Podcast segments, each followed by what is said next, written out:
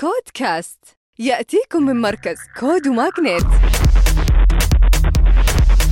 مع طارق الجاسر.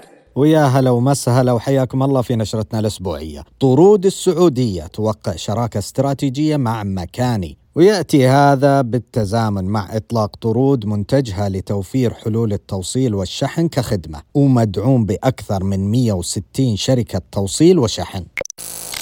أما Tabby تجمع 58 مليون دولار في جولة استثمارية Series C بتقييم 660 مليون دولار بقيادة STV Capital و Sequoia India وراح تستخدم الشركة الاستثمار في تطوير منتجاتها وخدماتها المالية ودعم عملياتها المتنامية بما في ذلك مصر التي توسعت إليها مؤخراً.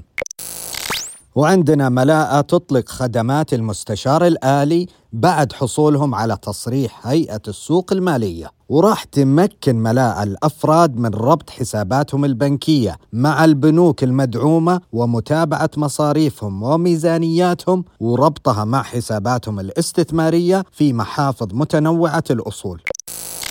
أما منصة الآن الإماراتية للتقنية المالية تغلق جولة استثمارية قدرها 4.5 مليون دولار وتستهدف الشركة استخدام الاستثمار في تعزيز توسعها بدول مجلس التعاون الخليجي وتطوير مزايا جديدة لعملائها.